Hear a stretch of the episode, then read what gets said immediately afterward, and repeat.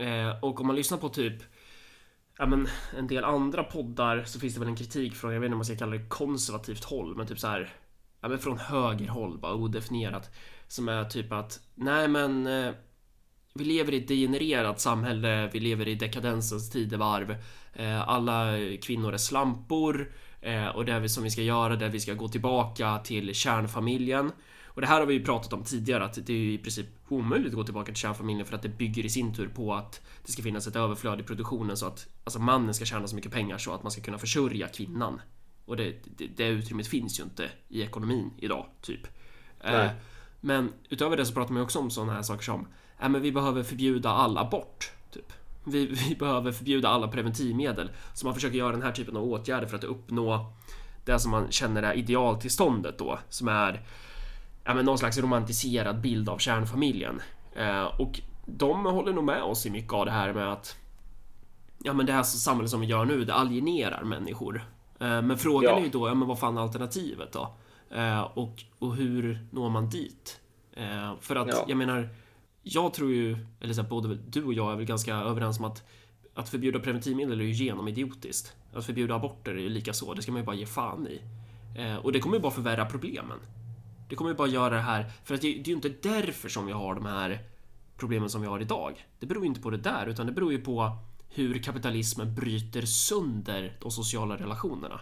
Kapitalismen är ju det, det är ju vad kapitalismen kännetecknas av. Den bara konsumerar ju allt i sin väg alltså.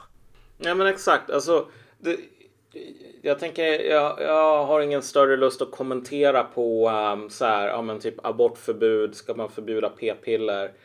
Eh, av den enkla anledningen att så här, alltså det börjar fel ända att snacka om de sakerna.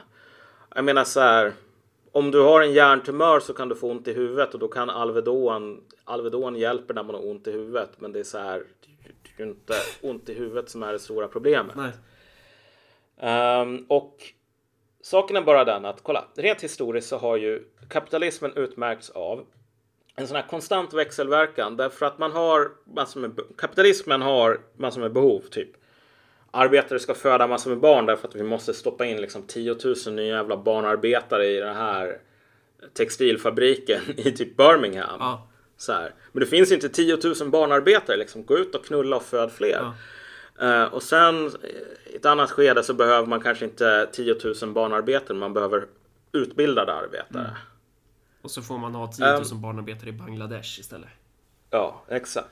Och det stora problemet är att okej, kapitalismen behöver de här sakerna för att den ska kunna växa och för att den ska kunna reproducera sig själv. Så behöver den människor liksom någorlunda, du vet, stabila förhållanden som kan reproducera sig själva som arbetare. Ja.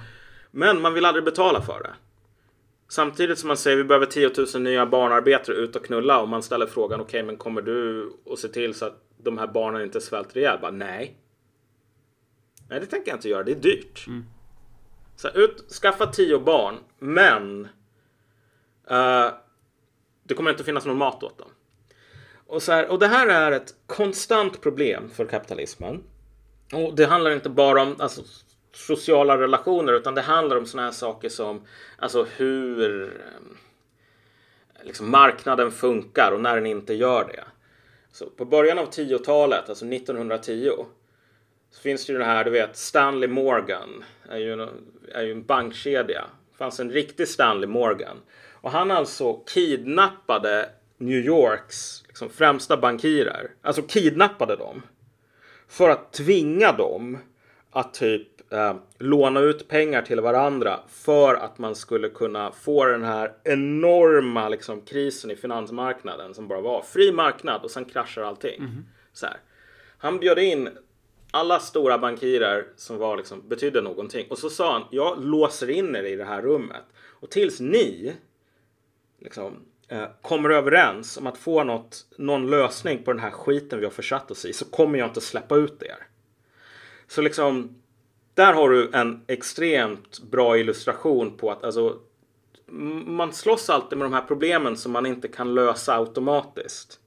Och till slut så måste man ta till ganska extrema metoder för att liksom få någon lösning på saker som kapitalismen själv producerar. Och det är ofta kapitalister själva som säger okej, jag kommer att slå ihjäl alla bankirer om inte ni faktiskt fixar det här nu. Ja. Ehm, Hur blir övergången till... vi... Va? Hur blir övergången Ja, nej, till men- eh, det här? Jag skulle bara säga så här att det som jag tror håller på att ske nu är att vi lever i en period där den här första fasen av så att säga liksom fri marknad, allting kommer att bli skitbra, ehm, håller på att pågår. Där liksom, det systemet som vi har nu kan hålla på att offloada massor med saker på, ehm, på, eh, ja, men alltså på, på det individuella ansvaret. Så här. Det finns en app du kan köpa för det här. Det finns en produkt du kan välja. Det, är liksom, det finns ett in, liksom individuellt ansvar. Det är ditt uppdrag att se till så att du inte sitter ensam hemma och, och liksom i en avfolkningsort. Och det finns massor med enorma kostnader på det här i ensamhet, mänskligt lidande, mänsklig alienation. Och man är inte beredd att ta den kostnaden än så länge för ingen har tvingat den att göra det. Men så länge som det här får fortgå, desto mer kommer människors, ehm, människors sociala liv att bryta sönder. Och ju mer de bryter sönder, desto mindre kommer det att gå att ha ett fungerande samhälle där kapitalister, eh, inklusive så här Facebook-miljardärer, kan hålla på att tjäna pengar. Så att vi, så vi befinner oss i den här off-fasen i liksom, ja, ehm, i den här vevan, i den här cykeln. Och liksom den cykeln finns inte bara på att skaffa barn utan också på så här, ska man ha en reglerad finansmarknad till exempel. Att du ser liknande tendens där då? Ja, Men eh, det finns ju en klasskillnad i det här med parbildning också. Och det är ju inte heller någon ny take. Men så om man lyssnar på typ Ligga med P3. För det är ju en, det är en intressant podd. Eh, men, men, och den typen av podcast som är så här, ja men de är ju väldigt frigjorda och så. Ehm, och de representerar väl lite av den här kaderklassen som är ganska sexuellt frigjord. Eh, där man pratar om så här, men man kan ha öppna förhållanden och man kan så här, ja, men har ni för lite sex i ert förhållande? Ja, men då är lösningen, ja, men bara öppna upp förhållandet och så bara ligg runt, typ. Eh, vi pratade ju lite om Ja. det här innan avsnittet, typ.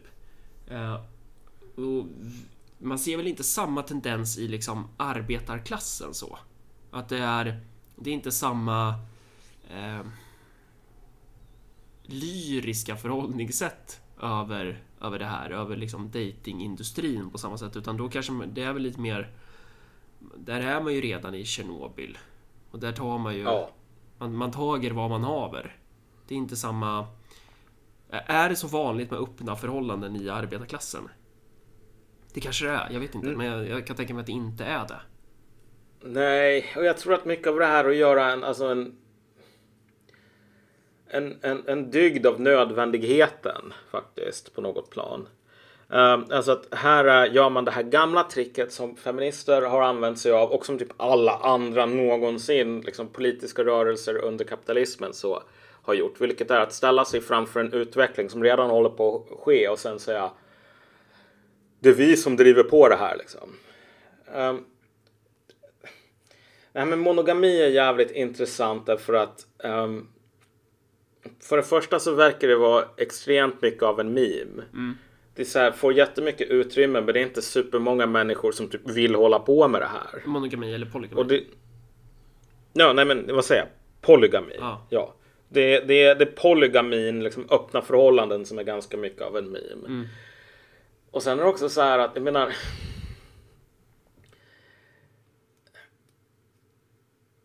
Alltså de, de, de, de materiella förhållandena som, som, som möter personer i den här kaderklassen.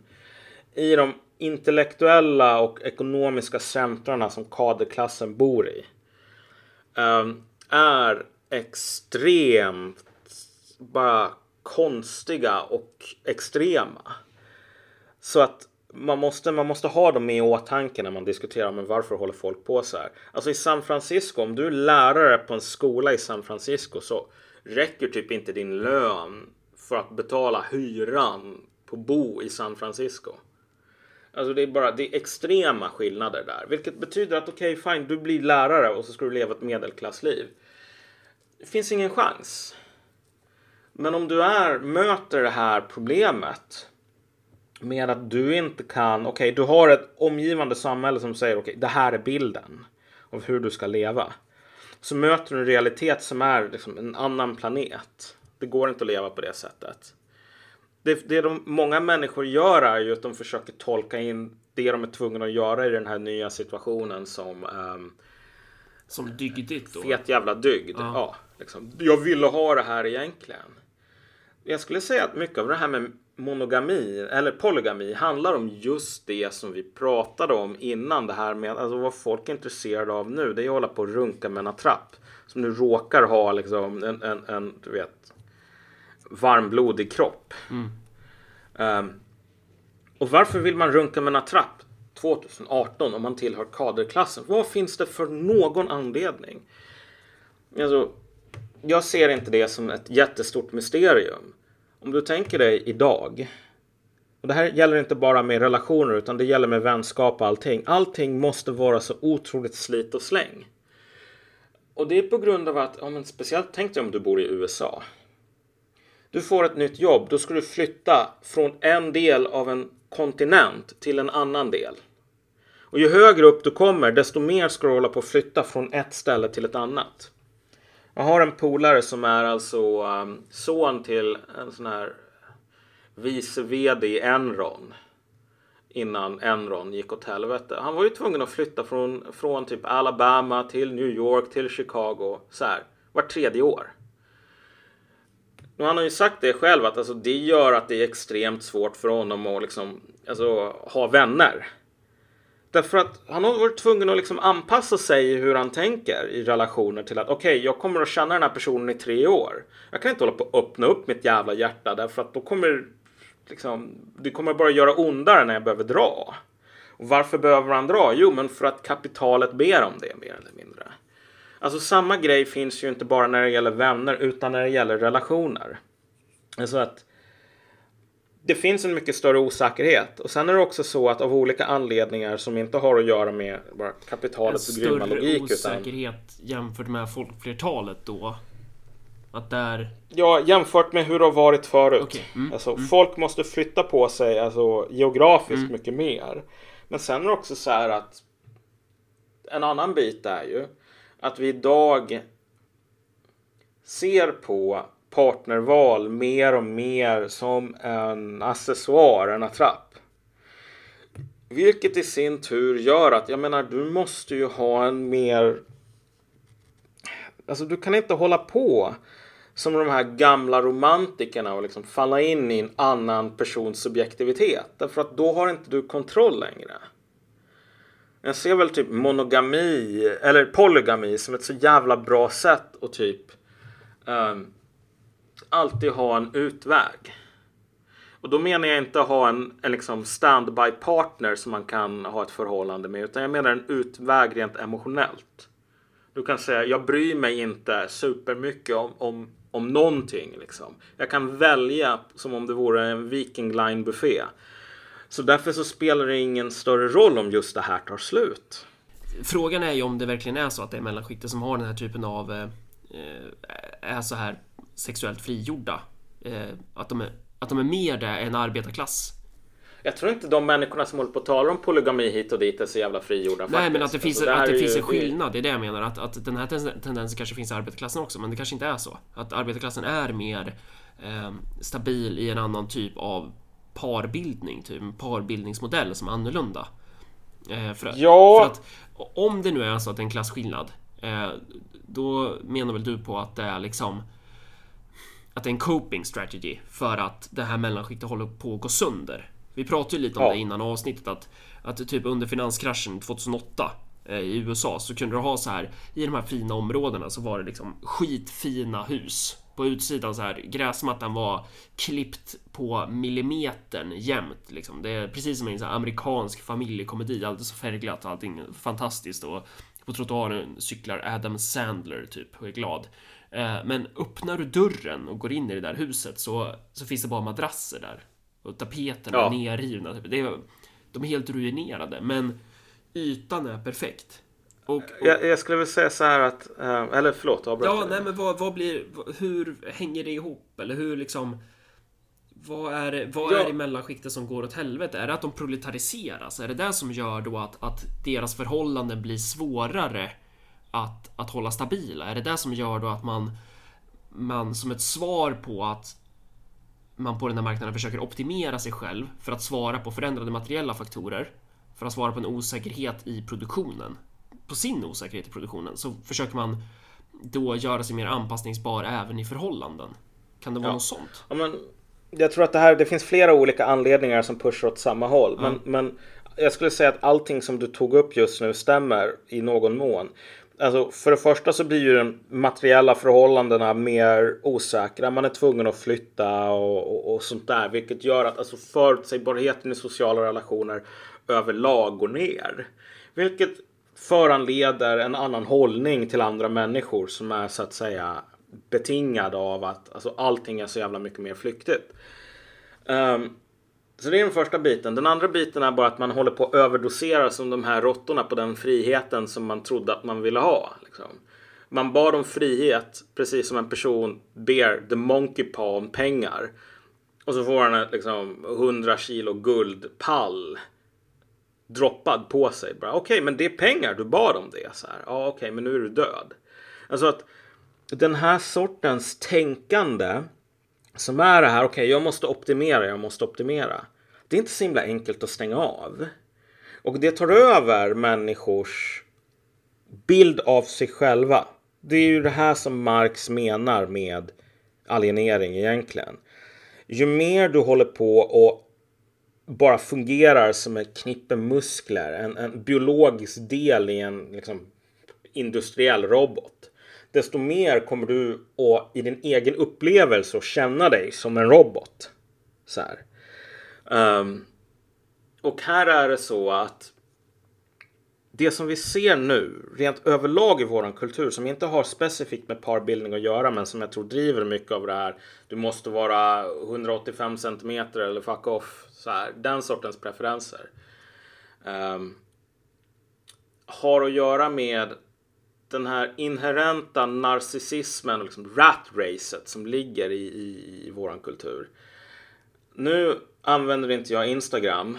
Så man, och det här finns mest på Instagram nu. Förut var ju Facebook liksom mycket mer av det som Instagram är idag. Men alltså ibland så ser jag såna här bilder på typ julfirande. Och så på den här bilden, allting är så perfekt dekorerat. Och alltså nystrukna gardiner och allting. Liksom. Man har lagt ner sjukt mycket tid på det här. Och då tänker jag så här, okej fine, vet du vad? Det här känns lite liksom pretto, men någon vill ha det fint på julen, whatever. Så här. Sen, men det som är verkligen får mig att börja sniffa som Zizek och bara tänka att det här är ren jävla ideologi. Det är när de här människorna har lagt så här 10-15 minuter på, i postproduktion av sin bild på sitt middagsbord. Gå in i olika filter på, på Photoshop och bara, ja ah, men vet du vad, jag måste ta färgbalansen här. Liksom Okej okay, Okej om det är någon retuscherad fotomodell på typ Slits. Nu finns ju inte den tidningen längre. Men whatever, då kan jag förstå poängen. Man sitter där för att man ska sälja lösnummer. Men människor som inte har något sånt här ehm, finansiellt syfte sitter och bara de kan inte ta bild på sitt eget jävla julbord utan att hyra någon person som sitter och bara liksom postproduktionsbehandlar det här innan de kan lägga ut det. Då är det ju väldigt tydligt att man, man gör det här inte för att nu ska jag ge en rätt, vi, rätt bild av hur julen ser ut. Du vet. Människor har inte inbyggda Photoshop-filter i liksom sina ögon så här. Utan det, är ju, det handlar ju om att visa upp den här ytan. Det, ju, det handlar ju om en statusjakt som har gått i liksom hyperdrive här. Och i den statusjakten så tror jag att det här är någonting som verkligen formar parbildningen liksom, som en sekundär effekt. Alltså, jag har ju sett feminister som Lady Damer, alltså det är skrattretande egentligen. Men de sitter bara, okej, typ, det är jättehemskt att män gillar ogillar feta kvinnor. Det här är så här inbyggd norm som man får lära sig. Det måste män sluta med. Så här. Män måste gilla feta kvinnor. Jag bara okej. Okay. Jag kan köpa det här argumentet. Man behöver inte hålla med. Men det är ett argument. Det har liksom början och ett slut. Det håller ihop. Samma personer fem sekunder senare säger bara så här. Ja, men jag vill bara ha en man som är minst 185 centimeter. Tihi, det här måste vara min kvinnliga reptilhjärna. Det måste vara evolutionen. Så här, alltså. Du vet, det, det, det, det ligger någonting riktigt fel när människor som säger, du vet, evolution, patriarkal lögn för att typ tvinga in kvinnor i, i slaveri och underkastelse och så vidare. Sen bara, ja jag vill ha långa män. Det här är min reptilhjärna, du vet. Jag styrs av mina äggstockar. Men hur hänger det ihop med den här supersminkningen på Instagram då? Vad, vad är kopplingen? Därför att kolla, så här. Varför ska man ens ha en relation idag? Mm. Så här. Om man har en relation så är det väl nästan ett minimum om man tillhör den här klassen som vi talar om. Där det fan är extremt hal uppförsbacke som man ska ta sig upp för liksom, Mm. för att nå status. Ska du ha en jävla manlet? Alltså på fullaste allvar. Tänk om du träffar en kille som är 160 centimeter men du älskar honom och du är 176. Alltså fattar du vilka enorma sociala konsekvenser det får? Och, Alltså jag överdriver inte ens här. Alltså ditt, ditt Instagram game Mm. är extremt fuckat om du inte ber honom att ta på sig så här högklackat eller någonting. Alltså det är ju ingen som kommer att säga okej du gifter dig med en manlet så här för kärlekens skull. Medan jag har en riktig chad på 195 centimeter. Men alltså det är ju lite så det funkar så här. Du behöver ha varje jävla övertag. Och det är just det som sker här att ju mer tiden går desto mer blir logiken i liksom relationsparbildningar. Ofta så här ganska öppet att folk uttalar det här i liksom mer lean in, liksom feministiska tidskrifter, mer så här liberala ideologer i The Guardian. Bara så här, nej men vet du vad, man gifter sig inte för att bli lycklig. Man gifter sig för att andra ska vara avundsjuka på en. Hur kan man vara avundsjuk på en manlet? Ja. Så att även relationen blir då ett verktyg i det här med Ja, att bygga sig själv typ. Så att egentligen så kanske relationen Det är klart att det finns genuina relationer. Det är klart att människor är kära och sådär. Men att tendensen till att eh, relationen bara blir ett verktyg för individen. ja, Den tendensen finns ju där. Så att man, det är inte Ja, en relation. Det är inte ett par, utan det är två individer som ingår ett ömsesidigt marknadsutbyte typ. Eller någon, en ömsesidig deal. Typ. Ja, alltså så här, och, och, och i tider som våra där alltså samtycke är det heliga så kan man väl säga så här att vet du vad, om människor samtycker till att vara liksom cyniska och bara kalkylera eh, det som man får ut av en relation. Så här, nytta minus nöje och så bara, ja men typ 10% avkastning på den här relationen på två år. Okej, fine, det kan jag investera i. Alltså de är ju helt fria att göra det. Men min, min grundläggande poäng här är att det finns inget jävla samtycke.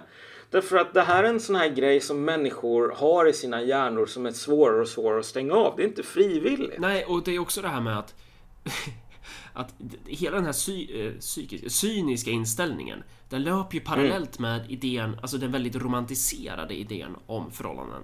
Om att förhållanden Ja. ska vara romantiska och att så här, ens partner ska fylla upp alla de här behovsslotsen som man behöver fylla. Typ så här, ah, men det ska vara världens bästa kompis, det ska vara eh, den, den bästa älskaren, det ska vara den bästa, bäst på att laga mat, ha, ha bäst matpreferenser, ha, eh, vad är det mer? Inte smaska, viktigt. Eh, vad, vad har vi andra för slots här? Det, det är en massa såna här olika preferenser som ska uppfyllas typ. Eh, och, och desto högre grad av uppfyllda prefer- preferenser, desto mer romantiskt är förhållandet enligt gängs uppfattning då. Medan samma uppfattning är ju extremt cynisk. Så de är ju intertwined. De löper ju med varann de här två på något sätt. Ja, Att det är ju inte som jag, Alltså typ äktenskapet eh, Ja men tänk dig att du är eh, Har ni sett den här Galenskaparna i, i Åmål för hundra år sedan? Tänk att man lever i, den världen eh, då, då är ju äktenskapet Det är ju i huvudsak en produktionsenhet Och ett sätt för dig att skaffa barn Så att du slipper dö tidigare för då har du några ungjävlar som kan hjälpa dig typ Att det här, den synen har vi ju inte längre på äktenskap utan äktenskap, vi har en romantisk syn på äktenskap. Samtidigt Ja. som den löper parallellt med en sjukt cynisk syn. En cynisk syn som kanske är mer cynisk än vad det var i Åmål för hundra år sedan. Det finns ju den här jävla låten If you want to be happy for the rest of your life Never make a pretty woman your wife Där Man ska gifta sig med en ful kvinna därför att hon kan laga mat och det är det som är det viktiga. Ja. Okej, vi kan ju säga att wow, gud vad cyniska folk var. Men alltså, det finns någonting djupt fascinerande och inhumant i våran syn på um, ja, men, alltså romantiska förhållanden. Precis som du sa, att de ska, det ska vara den här um, schweiziska armékniven. Alla funktioner ska finnas i den här enda kniven. Men som alla som har använt en sån kniv vet så när du stoppar alla grejer i en kniv så innebär det att alla de här sakerna blir fan ganska dåliga. Men alltså argumentet emot här, det är ju också att vi, vi bygger ju allt det här på ett antagande om att, om att det finns en genuin naturlig kärlek. För vi gör ju en distinktion här då mellan ja, men någonting att man älskar någon eh, kompromisslöst eh, kontra då att man älskar någon baserat på preferenser. Och jag har svårt att tänka mig att man skulle älska någon nu låter jag ju fruktansvärt. Men att, att så här, den, all kärlek är väl ändå preferensbaserad på något sätt? Ja, det skulle jag... Jo, men det, men det är ju inte där kruxet ligger. Nej. Så här. Alltså preferenser är oviktigt. Ja. för att avgöra, avgöra. Jag skulle säga att det som är centralt är alltså är det här ett annat subjekt som du är kär i? Eller är det en attrapp? Ja, just det. För jag menar om du är kär i en attrapp. Det kan ju vara en attrapp som har en liksom andas, går runt, har tankar och så vidare. Men du är intresserad av en specifik del eller en, en, en, en föreställd del. Har du sett det här Men om man är- och om man- Fredrik-avsnittet då det är en kvinna som är kär i Berlinmuren? Hon, Nej, hon har en bit menar- av Berlinmuren hemma och, och så är hon kär i den. Ja, nej men alltså vad fan, it takes all kinds säger jag Ja, bara. det- Eh, men alltså grejen är att Berlinmuren är inte ett subjekt. Så liksom, det, det finns inte så mycket att vara kär i annat än återigen ett, ett dött föremål. Eh, och det är väl den stora skillnaden jag skulle säga. Att det är, så här, är det en levande människa eller är det ett dött föremål? Ett dött föremål kan vara en del av en levande människa. Men, men, men hur som, alltså det som man vill säga här angående det här med relationer. Jag tror vi sa det i det här avsnittet om Jordan Peterson. Alltså tog upp den här poängen från Paglia till exempel att um, Tidigare så har det varit så att de flesta kvinnor och män har haft massor med större cirklar av umgänge än vad de har nu. Med, men på grund av att nu har man inte tid med det där. Så nu har man gjort en nödvändighet av dygden och så säger man nej men vet du vad, du kan ha en livspartner som kommer att vara allting. Och jag skulle säga att det här är också en av de sakerna som driver på den här cykeln av um, alienation. Därför att alla människor måste hålla på, eller alla, men väldigt många idag skulle jag säga, håller på och tar del av det här ganska löjeväckande, säger jag som uh, autistisk eremit. Men för mig är det verkligen löjligt. Um, skådespelet som, som består i att låtsas som att man lever de här fina puttinuttiga liven. När jag öppnar tidningen Allt om mat så ser jag verkligen så här photoshoppade eh, bilder av någon sån här sillåda. Så Okej, Okej, men det är, för, det är allt om mat. Men när jag ser de människor som sitter där och liksom i sitt anletes svett och, och sliter för att deras sillåda ska ha lika många Photoshop-filter. Så här, sillådor ser inte ut så i verkligheten. Alltså ingen har någonsin gjort en sillåda med liksom tusen Photoshop-filter. Du håller bara på med det här därför att så här, du tror för att du tänker inte. Du tror att alla andra människor som sitter där och sliter på liksom Instagram för att få, liksom få det här perfekta jävla puttinuttlivet. Att de har det medan det är dig det är fel på som inte har det. Nej, ingen har det. Och alla håller på och liksom kör det här ekorrhjulet för att låtsas och liksom bräcka sina eh, kompisar som också låtsas. Alltså den här illusionen om att det finns den här perfekta mannen som är den perfekta älskaren och liksom den perfekta kompisen. Och du kommer att vara så här sjukt attraherad av honom i så här 40 år framöver. Och den liksom bästa pappan och så här bästa snubben i liksom lokala korpen bandylaget. Alltså sådana människor finns inte. Alltså, och det är så extremt tydligt att, att vad så många håller på och jagar idag är en illusion. Ehm, um, Zizeks ex, som är också någon sån här lakan psykoanalytiker. Um, som heter Renata Salekel. Nu har han ju massor med ex som han har avverkat. Men Renata Salekel hade ju någon sån här föreläsning där hon bara sa att Alltså hon har ju fått brev från människor som skriver så här sex kolumner till såna här liksom damtidningar. Mm.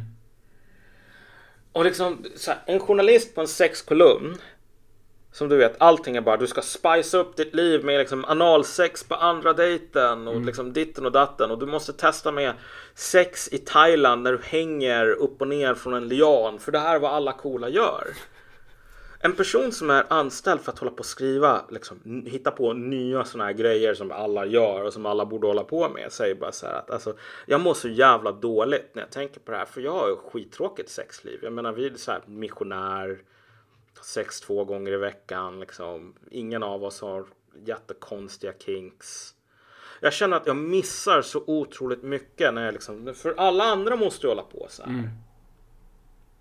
Så att en, liksom inte någon random på gatan utan en person som är i liksom, industrin vänder sig om och bara tänker jag hoppas ingen annan kommer på att jag inte är så här. Ja, det där är liksom vad, vad, vad Instagram så jävla mycket verkar handla om. Ja, eller inte bara Instagram, men mer än så.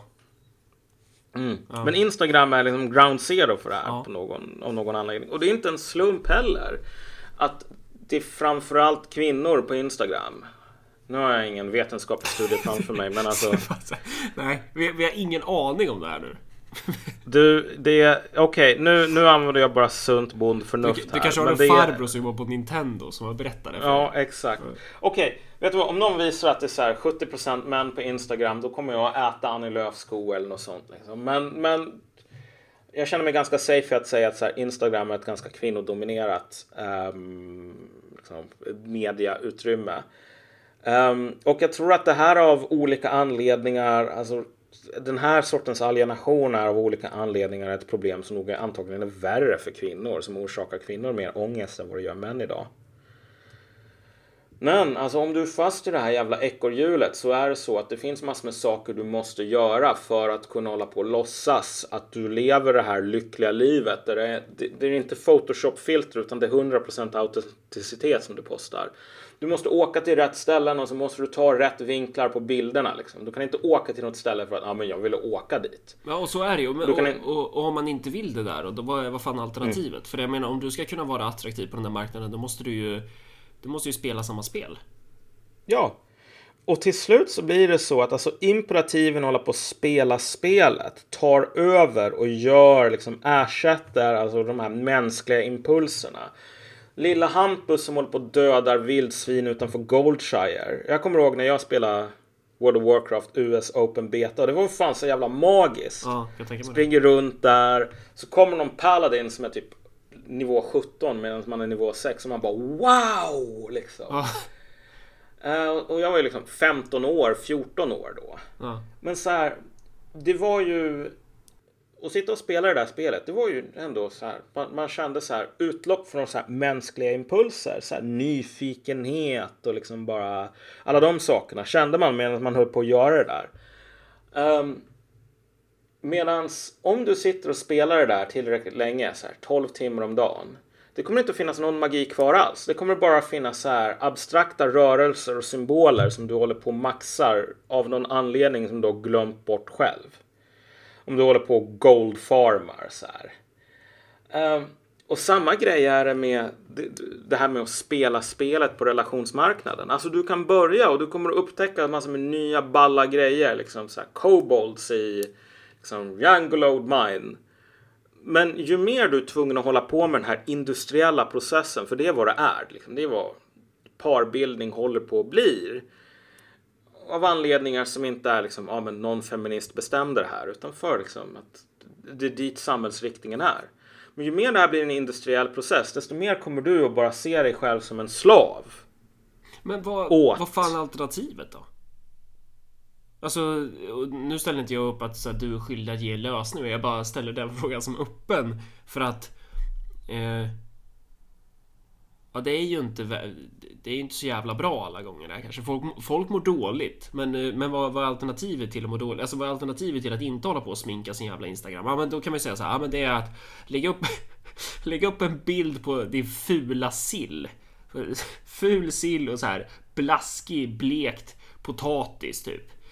Eh, och det, det i sig kommer väl säkert bli en genre snart om det inte redan är det. Bara så här, ah, oretuscherade bilder direkt från verkligheten. Så här, någon ny form av Ja, realism. det kommer bara bli en ny tävling och hålla på att retusch- retuschera saker så att de är oretuscherade nog på ett retuscherat sätt. Ja, typ som den här min- bilden på, på mig när jag äter calzone. Så, det, är- det är den kategorin. Eh, det är ju verkligen så. den bilden. Det kommer vara massor med sådana där. Liksom, en sann son av folket. Och så är det så här tok stageat. Eh, men Ja. vad, vad tänkte jag? Vad fan var jag någonstans? Jo men så här, lösningar då. Vad fan är... För att det, det här med att Vissa grejer går ju att åtgärda, vissa grejer kanske inte går att åtgärda. Och då är ju frågan hur fan man åtgärdar de grejer som går att åtgärda. För att det här med att män att, att det är primärt högstatusmän som är eftertraktade på datingmarknaden. ja, Men det, det kanske skulle se annorlunda ut i ett samhälle där där status mättes i andra termer. Eh, om det nu ens överhuvudtaget skulle vara möjligt att typ så här status mäts utifrån dina insatser för kollektivet. Så. Mm. Att, att, det, att det är så här, ja, men det gör inget om du är tillsammans med en person som är städare. Även om det är en man. Det gör inget om du är tillsammans med en person som har ett, ett eh, lågavlönat yrke. För att... Ja, alltså. Eller typ så här att, att i ett mer jämlikt samhälle som är mer jämlikt ekonomiskt då borde det ju finnas en annan typ av statushierarki. Eh, och det kanske fortfarande skulle vara en viss skevhet, men frågan är skulle det vara en lika stor skevhet? Skulle det vara en lika stor alienation i parbildningen som det är i Sverige 2019? Skulle det vara... Eh, skulle människor må bättre? Det skulle de kanske inte göra, men det, det skulle vara andra problem då. Jag vet inte. Ja, men problemet är ju inte en statushierarki. För jag menar statushierarkier kan du ju etablera på massor med olika Ja. sätt. Utifrån massor med olika så här. Alltså om du var en person med en fet jävla medalj runt halsen som typ tio andra personer hade i liksom Preussen. Du var en ganska cool person oavsett hur stort bankkonto du hade. Alltså men det innebär så att det går ju att ordna det här på massor med olika sätt. Men det stora problemet här är ju egentligen inte att det finns en statushierarki och att de på toppen är mer åtrådda än de på botten. Så här. För att det kommer alltid att finnas. Det är liksom så människor är byggda. Utan det problemet är ju att det här, alltså våran impuls som är liksom inbyggd här, precis som det här impulsen hos de här råttorna som trycker ihjäl sig själva Ja, just det. ehm, har gått bärsärk. På ett sätt som det inte gagnar oss längre. Vi blir slavar åt de här impulserna. De här impulserna hjälper inte oss.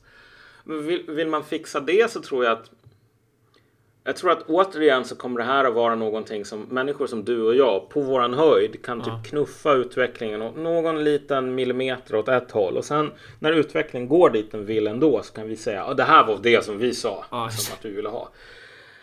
Eh, men, men våran situation nu är inte hållbar. Men du, så, så här socialt sammanhang är en sån grej. Ja, För, exakt. för att i, alltså, man, man, man vill ju genom par, Eftersom parbildning är så här I jakten på optimering så ska ju parbildningen ge dig allt i livet. Eh, Mm. Men och då handlar det någonstans om att så här eh, Lägga ägg i flera korgar. Att Mm. på något sätt ehm, Att socialt sammanhang kanske inte behöver ske genom ditt förhållande enbart utan om du har ett utlopp Återigen, World of Warcraft. Sen när farsan dog, då tänkte jag, ja men så här, WoW, Atheroth. Det är bara fly in där, för då kan jag fokusera på det och så slipper jag tänka så mycket. Eh, och grejen är, när man loggar in där igen efter så här två år på samma Discord-kanal, ja men då sitter de där. Samma gäng som man spelade med för två år sedan. Inget har förändrats. Här, WoW-världen är typ densamma. Det har väl kommit lite nya raid-instanser och sådär. Men min dvärg står kvar på precis samma ställe som man gjorde när jag loggade ut. Eh, samma grejer kvar i ryggsäcken, allting. Och man hoppar in på Discord och så sitter den här personen från Nässjö och bara Ja, vad fan har du varit? Vad, hur de nu pratar. Ska du med och... Eh, jag ska inte ens försöka imitera dialekten, men... Eh, ja, men så här, inget har ändrats. De, Ja. Till och med de är kvar där. Så, så det, var ju, det är en fast punkt, typ. Och då är det så kanske inte så, Ja. så svårt att förstå att många tyr sig till typ den typen av spel för att när allt annat är så stormigt och osäkert som fan. Ditt jobb är osäkert, ditt förhållande är osäkert, du, du, du är osäker på dig själv. Så här. Men Atheroth, det är bara, det är stabilt. Ironforge, berget står fast liksom. Exakt, och här tror jag faktiskt, om, man, om vi ska vara helt ärliga, så Alltså, det finns två problemkomplex här med liksom, alienation som inte ser exakt likadana ut för män och kvinnor.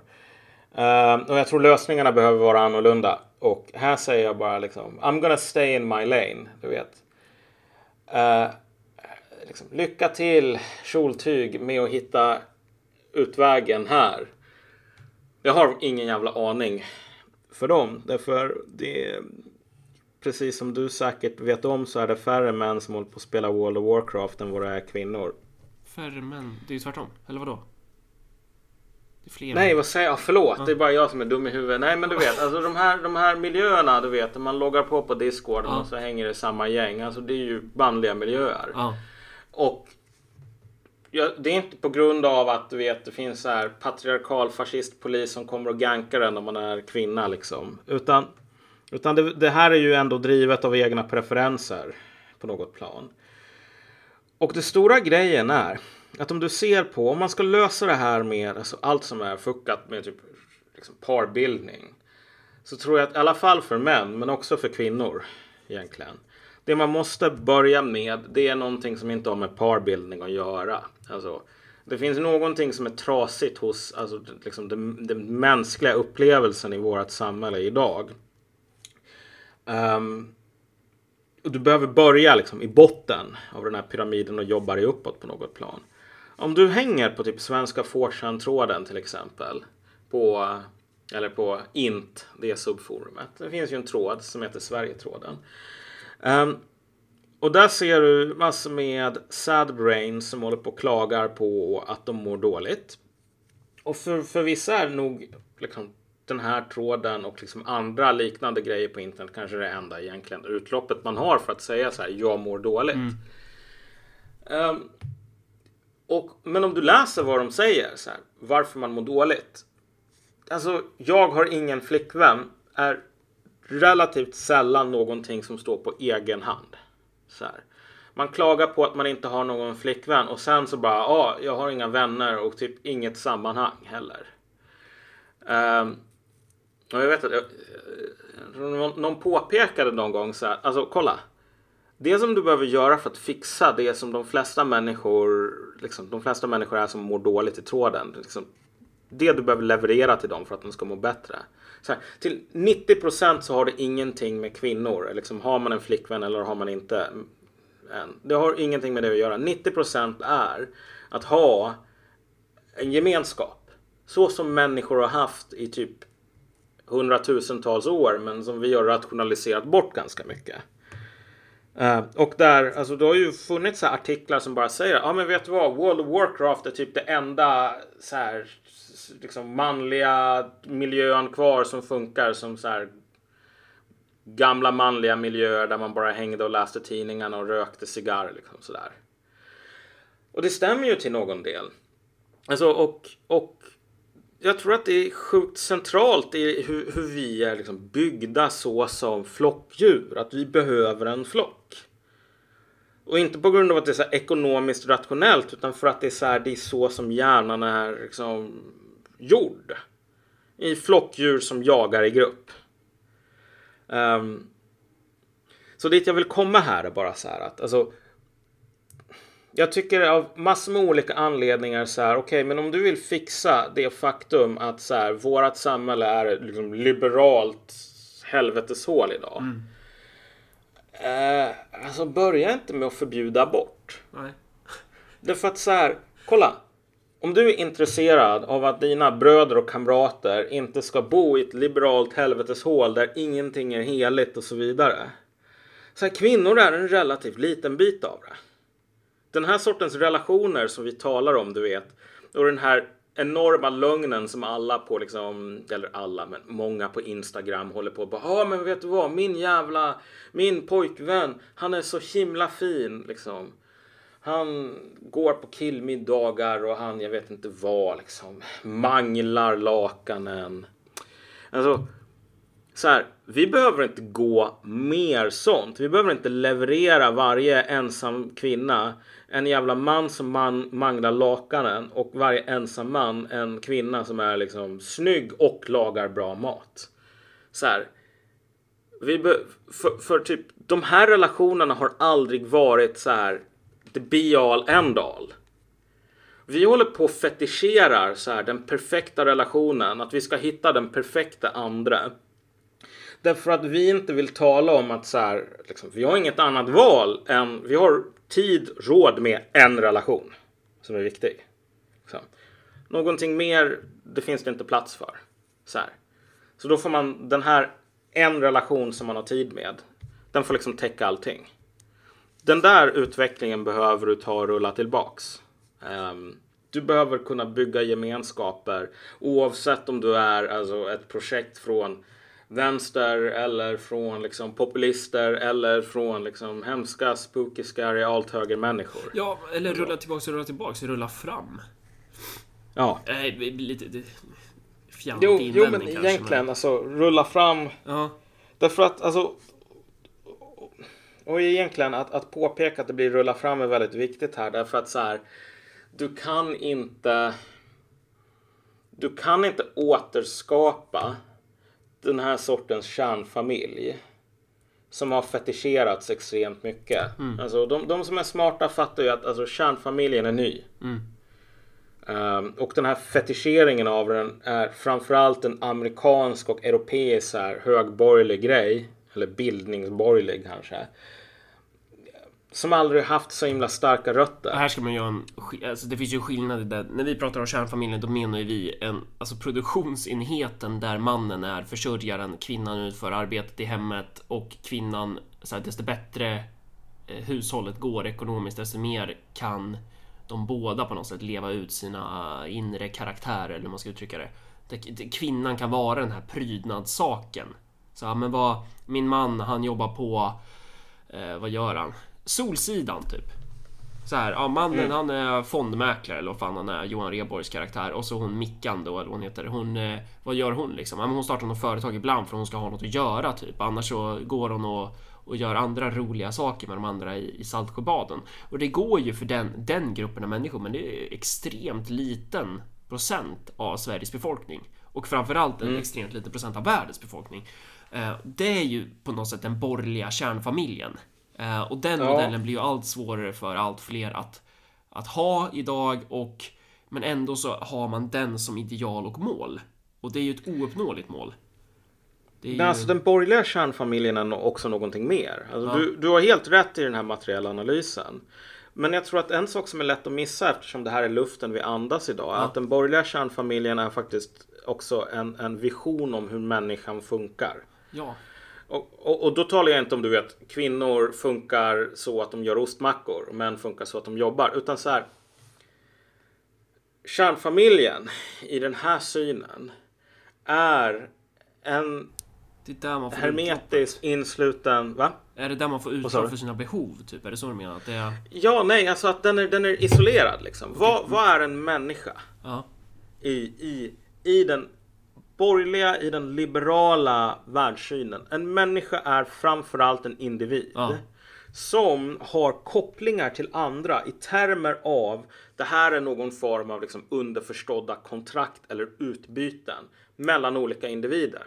Och här blir kärnfamiljen alltså ett, ett arrangemang där du vet, jag träffar någon sån här snäll, söt flicka som är typ Eh, autist och allt höger. Ja, och så gifter vi oss och så skaffar vi 2,5 barn för att det är Pareto optimalt liksom så här.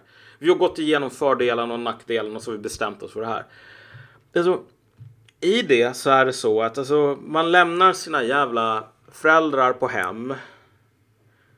Och poängen är ändå alltid att så här, familjen ska vara bara en utväxt av hur vi människor behandlar andra människor. Vilket är att så här, jag ska alltid kunna kasta loss. Liksom. Jag ska alltid kunna frigöra mig från sammanhang och kontext som jag inte har självmalt valt. Att det är mitt, min individuella existens och min valfrihet som är det viktiga. Så, Och det här låter superabstrakt men alltså det är viktigt att påpeka det därför att familjer en gång i tiden, det var någonting... Ja, det är ingenting alltså, du väljer. Ja, Det, exakt. det, det var väldigt fast. Eh, Och, och i, i en slags konservativ kritik så finns det väl någon blandning då av den här eh, idén om familjen som är äldre än kapitalismen. Men som då blandas med den här idén om den borgerliga kärnfamiljen. Ja. Och, och, och, och det är inte bara det att alltså, förr i tiden så kunde man inte välja. Det är bara det att alltså, sättet som människor såg på världen, de ögonen de hade för att se och bedöma saker var andra sorters ögon. Ingen satt, eller ja, det satt ju alltid folk så, men alltså om du satt på den tiden sa så här, jag kan inte välja min familj, du vet, jag, min, min individuella autonomi är beskärd, gud vad synd det här är. Alltså folk skulle inte säga, ja jag vet, men synd att du inte var född på 2000-talet för då skulle du kunna välja allting själv. Liksom. Så här. Utan folk skulle säga, okej, du är alltså en person som sitter här och säger att du skulle vilja leva i en värld där de viktigaste sakerna i ditt liv var sådana som du var fria och bara vandra bort från. Så sekunden inte passa. Du är sjuk i huvudet. Du är en galning. Det är ungefär vad folk skulle säga. Alltså, den idén som vi har, för vi, för vi tar det så naturligt, liksom, som luften vi andas, att så här, självklart är ju valfrihet bättre. Självklart är det ju den riktiga sortens bra relationer är relationer som man, inte väl, som man väljer själv. Och självklart ska ju den riktiga sortens familj vara en familj där mitt jävla val att vara en traditionell familjefar eh, respekteras. Men... Det här är ju, ja, Ja, nej, fortsätt. men det som du sa innan med att det finns en konstig blandning bland konservativa är ju 100% sann. Därför att det här är människor som oftast alltså vurmar efter ett, alltså skalet här. De vill ha den, den gamla familjen.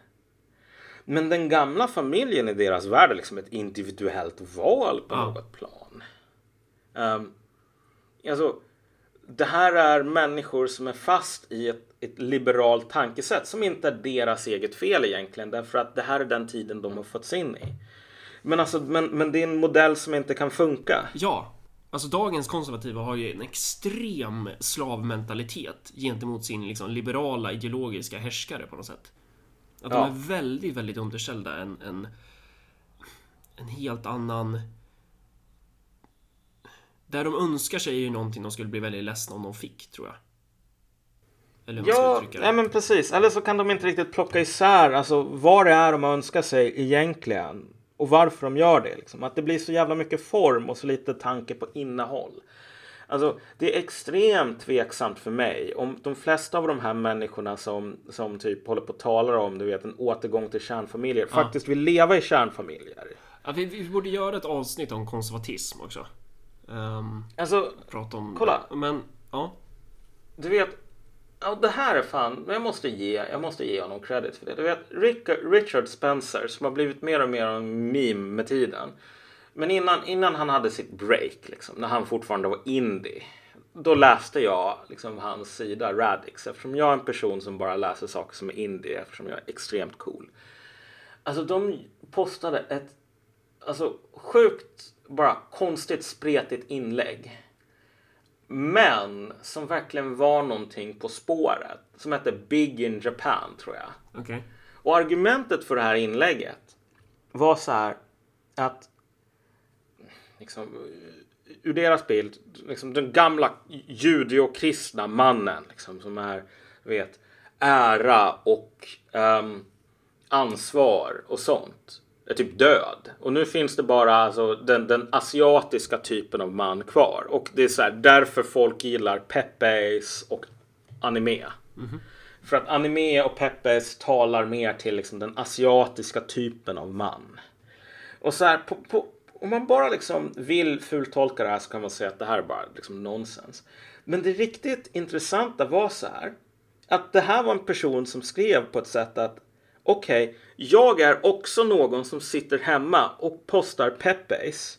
Och jag måste fan erkänna att jag kollar på den här och den här anime-serien. Jag tyckte det var ganska ballt. Och, alltså, och jag då som författaren, för jag har aldrig kollat på anime, jag är så jävla cool.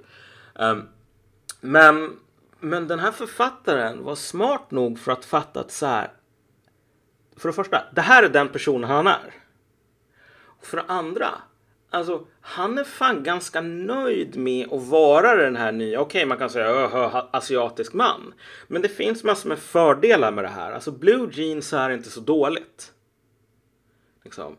Eller som de här indianerna som typ plockar upp så här machetes gjorda av stål och typ börjar odla kassava och potatis. Okej okay, att det här är inte autentiska uppfinningar men, men så här, det är fan ganska nice. Och det är just den grejen som man väldigt sällan greppar med.